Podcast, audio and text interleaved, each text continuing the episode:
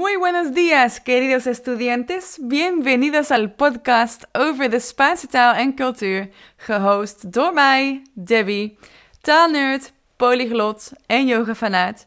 In deze podcast leer je de Spaanse taal en cultuur while keeping your calma met yoga.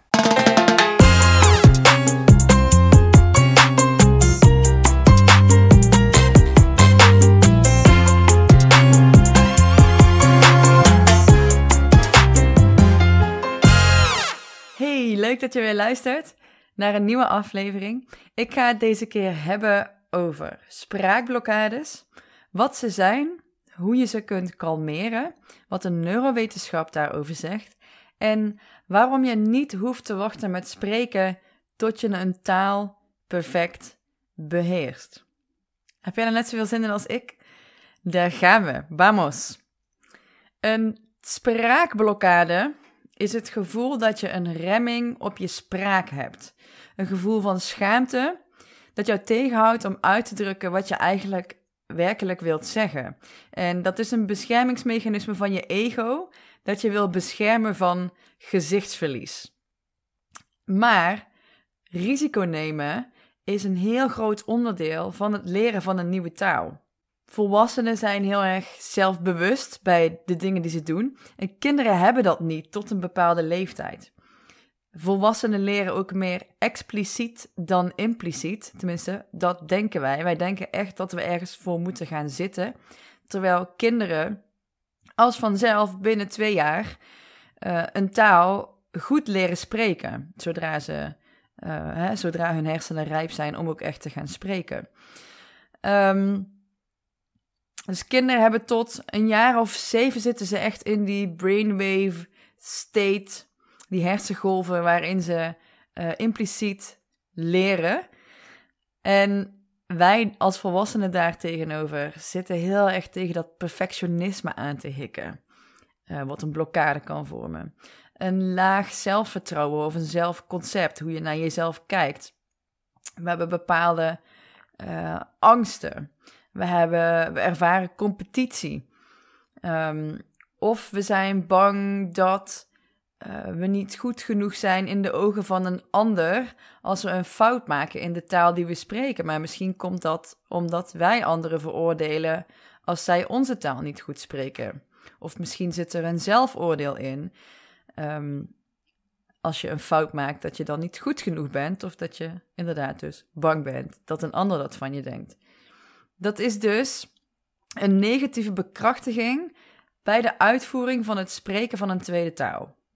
En die remming kan meer invloed hebben op het spreken van de taal dan op het leren zelf. Dus dat je een taal niet spreekt of durft te spreken, wil niet zeggen dat je de taal niet beheerst tot een zeker niveau.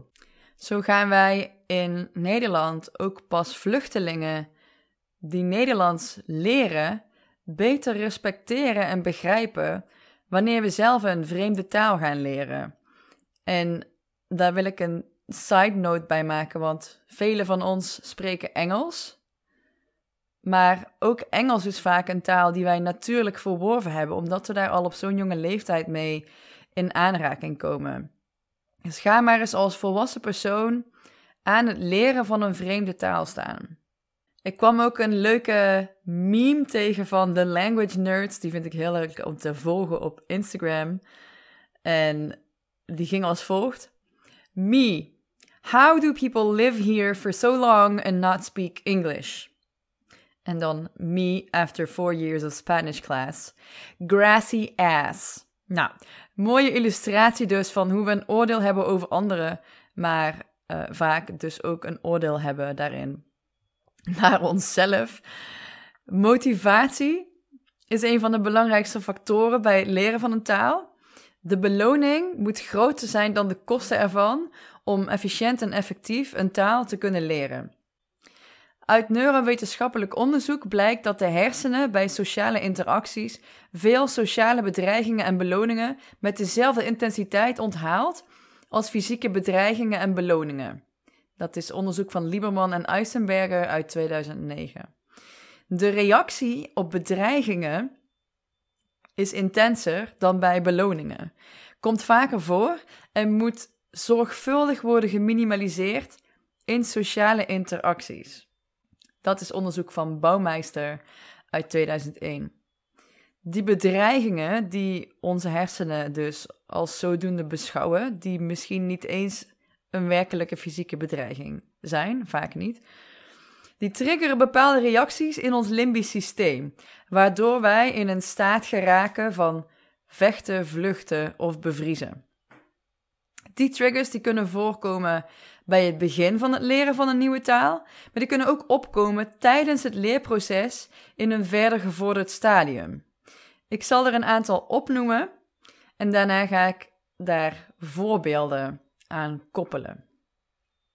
Faalangst, angst om te spreken voor onbekenden of voor een groep, xenoglossofobie, een negatief zelfconcept of een laag zelfvertrouwen, het gevoel dat je nooit klaar bent met leren, het proces van een taal leren is oneindig, slechte herinneringen aan een eerdere leeromgeving, het gevoel dat je nooit kunt tippen aan je docent of juist het gevoel dat jij het beter weet dan je docent, de groepsdynamiek, misschien lig je achter op schema of juist voor, als je graag individueel leert, maar bij de groep moet blijven. Je voelt geen verbinding met de taal en je kunt geen motivatie vinden om te gaan leren. Het voelt niet eerlijk dat een ander binnen drie maanden de taal spreekt en ik na vijf jaar nog steeds niet. Schaamte, ik voel me dom en het gedrag van anderen telt mee bij mijn uitvoering van de taal. Dit is geen uitputtende lijst, maar geeft je een goed idee van dingen waar je tegenaan kunt lopen bij het leren van een vreemde taal. Al deze triggers die blokkeren een staat van kalmte. En dan brengen de hersenen al hun focus en energie naar de bedreiging. Dus de belangrijkste functies voor leren vallen dan uit. En dan raak je in die, in die vlucht, vecht of bevriezende reactie. Pompt al het bloed weg van onze inwendige organen naar de armen en de benen. En het is dus belangrijk bij het leren van een taal dat je die bedreigingen tot een minimum reduceert en deze kunt ombuigen naar een beloning en dat jij in die staat van kalmte kunt gedijen, als het ware, om het zo op zo'n mooi Nederlands te zeggen. Het is dus niet fout om deze blokkades te ervaren, dat is simpelweg hoe de hersenen werken. Het is een misconceptie dat je niet slim bent of dat je een taal niet goed kunt leren. Het is juist supermoedig dat je zo'n onzeker leerproces aandurft te gaan.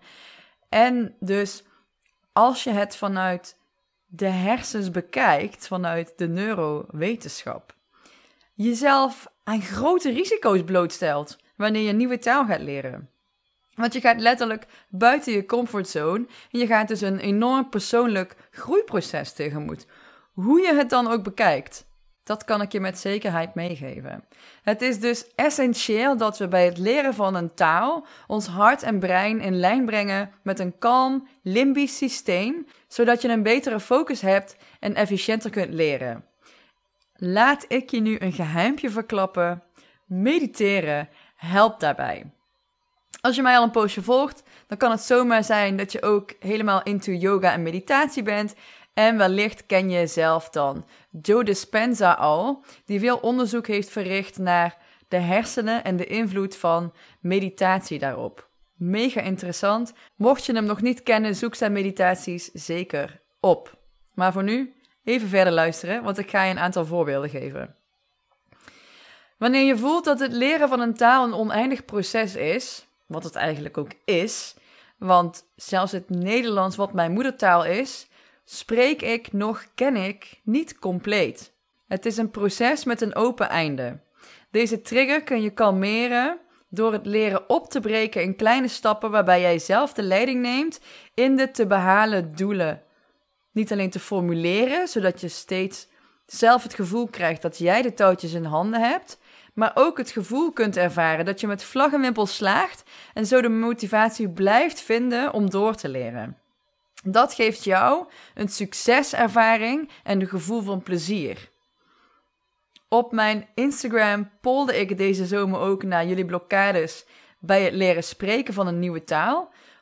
Polde is eigenlijk een Engels woord, dus ik weet ook niet of dit correct Nederlands is.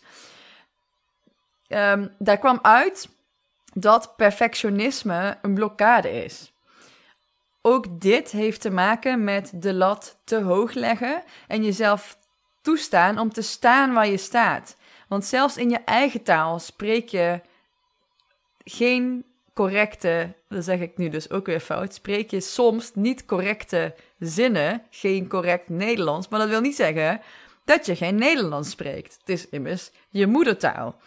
Um, en van het Nederlands ken je ook niet alle grammaticale regels uit je hoofd. Een taal is om te communiceren. Dus het helpt bij het leren van een vreemde taal om constant jezelf eraan te herinneren wat de visie is die jij voor ogen houdt bij het leren van deze taal en steeds kleine mijlpalen te behalen. Nou, wanneer je bang bent om een taal te spreken, is er nog één. Is het allereerst belangrijk dat je in een staat van kalmte geraakt en door de hersenen waargenomen bedreiging kunt wegnemen. Dit gebeurt door positieve en echte persoonlijke herinneringen te creëren die relevant zijn voor jou als persoon.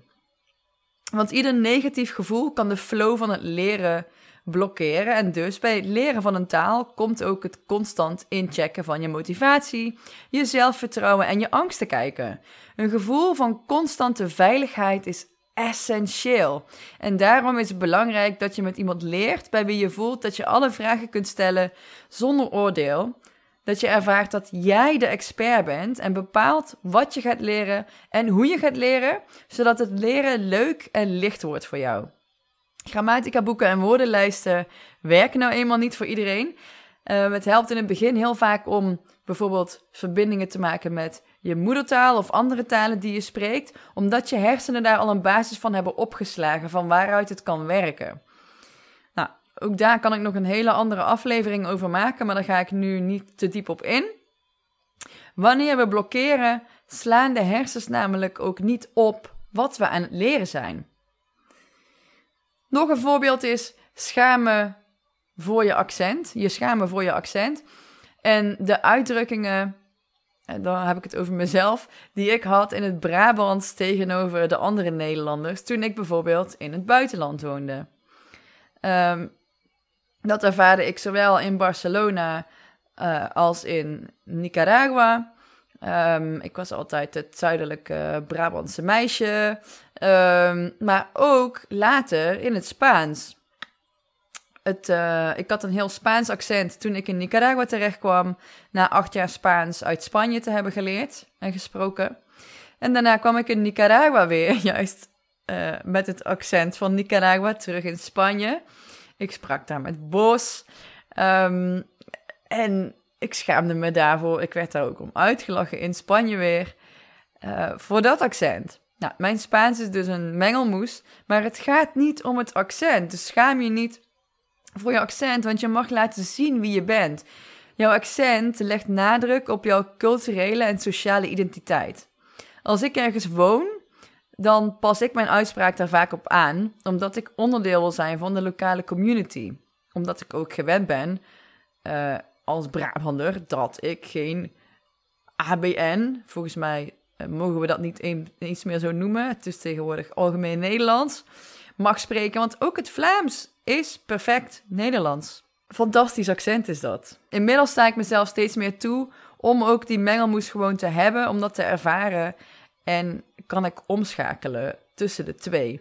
Um, ik wees mezelf vroeger veel eerder af als ik me niet volledig kon assimileren qua taalgebruik, want dan hoorde ik er toch niet echt bij. Qua spelling ben ik echt een taalnatie, vooral op native speakers. Maar dat je soms een grammaticale fout maakt of een verkeerde uitspraak doet, hoeft niet per se te betekenen dat je elkaar niet kunt begrijpen. Misschien kost het iets meer woordenwisseling, maar uiteindelijk kom je eruit en er is niet één juiste manier.